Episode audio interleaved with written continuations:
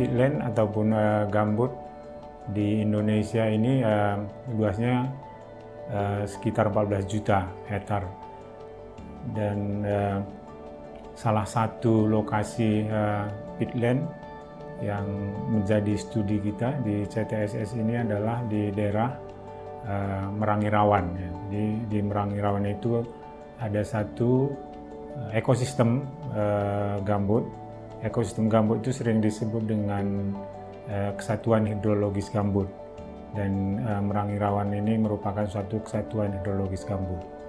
Di uh, ekosistem gambut itu mempunyai dua fungsi Eh, fungsi konservasi dan fungsi produksi.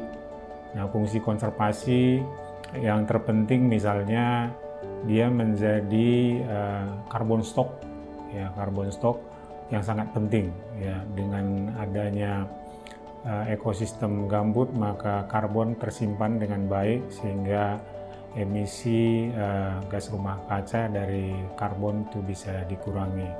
Kemudian uh, selain fungsi ekosistem uh, simpanan karbon juga uh, untuk mengatur uh, aliran air di suatu uh, daerah. Jadi uh, gambut itu mempunyai kapasitas untuk uh, menyimpan air yang sangat banyak. Sehingga kalau pada musim kemarau daerah tersebut uh, hujan, maka uh, ekosistem gambut tersebut akan menyimpan nanti pada musim kemarau akan melepas perlahan-lahan sehingga daerah sekitarnya juga cukup air. Itu fungsi ekosistem. Kemudian fungsi produksi seperti kita ketahui bahwa ekosistem gambut juga sudah digunakan baik oleh masyarakat juga oleh perusahaan-perusahaan perkebunan. Di kedua fungsi itu menjadi uh, penting di dalam ekosistem uh, gambut tersebut karena uh, kedua fungsi ekosistem itu tadi yaitu konservasi dan uh, produksi uh, adalah dua fungsi uh, yang perlu dijaga keseimbangannya. Nah, uh, tapi biasanya untuk menjaga keseimbangan fungsi konservasi dan fungsi, fungsi produksi itu ada uh, konflik ya. Satu pihak uh, perlu dikonservasi, tapi di pihak lain perlu uh, juga menjadi uh, lokasi untuk berproduksi, misalnya perkebunan. Nah, uh, tantangannya adalah uh, ketika ekosistem peatland yang tadi uh, salah satu fungsinya untuk menyimpan air, kemudian dibuka untuk uh, fungsi produksi, maka sering uh, terjadi Eh, kebocoran air dari ekosistem gambut sehingga fungsinya untuk menyimpan air itu tadi tidak bisa sempurna. Nah, jadi eh, di situ terletak tantangannya. Jadi bagaimana kita eh, mengelola air sehingga air tersebut tetap bisa dikonservasi tapi juga bisa digunakan untuk produksi. Nah, itu menjadi suatu tantangan yang sangat rumit karena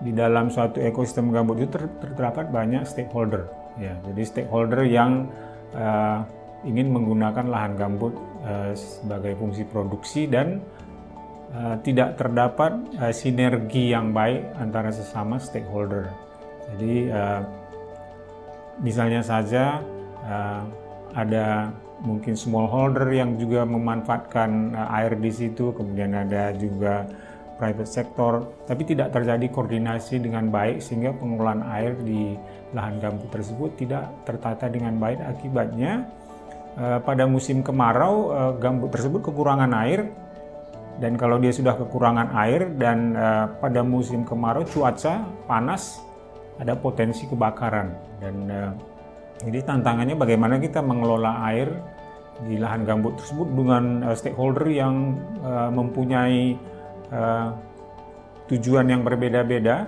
sehingga air tersebut tetap bisa dikonservasi dengan baik uh, pada musim kemarau. Uh, berangkat dari tantangan tadi, di mana ekosistem gambut uh, sangat penting dari uh, aspek uh, konservasi dan produksi. Satu pihak, kemudian banyak stakeholder yang mempunyai tujuan yang berbeda satu sama lain sehingga Nah, pemanfaatan air di ekosistem gambut itu uh, tidak terkelola dengan baik. Jadi perlu uh, water governance dengan yang baik, yang kemudian bertanggung jawab nanti mengkoordinir semua stakeholder uh, untuk bersama-sama bersinergi untuk mengelola air sehingga air tersebut terjaga. Karena kalau air tidak terjaga maka ekosistem gambut itu akan mengalami gangguan. Nah, uh, pendekatan uh, yang selama ini sudah dilakukan, misalnya multidisiplin, interdisiplin, ternyata tidak bisa memecahkan permasalahan yang ada di lapang. Jadi masih terjadi kita lihat banyak lahan-lahan uh, gambut yang terdegradasi, sangat rentan terhadap kebakaran. Uh, itu menandakan bahwa pengelolaan ekosistem gambut itu belum uh, dilakukan dengan baik. Nah, terletak pada koordinasi stakeholder. Jadi walaupun sudah dilakukan uh, pendekatan multidisiplin, ya, interdisiplin, tapi tetap saja masih belum di, uh, bisa diselesaikan dengan baik. Nah, salah satu pendekatan yang menurut kita uh, uh, sesuai untuk ekosistem gambut ini, di mana stakeholdernya itu cukup banyak, adalah trans, transdisiplin. Pada pendekatan transdisiplin, stakeholder itu uh, mempunyai tanggung jawab bersama, jadi memformulasikan bagaimana mengelola gambut di suatu wilayah. Dalam hal ini misalnya di KHG Merangirawan secara bersama dengan uh, mencoba menyeimbangkan uh, tujuan agenda masing-masing. Jadi transdisiplin itu mencoba uh, mengajak semua stakeholder bersama-sama memikirkan uh, tanpa adanya intervensi dari atas. Jadi uh, mencari solusi pengelolaan lahan gambut secara bersama. Itu kenapa kita sebut transdisiplin itu sering disebut dengan co-creation, co-production karena memang beda dengan pendekatan multidisiplin dan interdisiplin pada uh, pendekatan transdisiplin ini semua stakeholder harus mempunyai perspektif yang sama. Jadi uh, bersama-sama membangun uh, perspektif bagaimana mengelola gambut sehingga lahan gambut itu selain bisa digunakan untuk lahan produksi juga dia sustainable dalam jangka panjang. Jadi itu uh, pendekatan transdisiplin umumnya.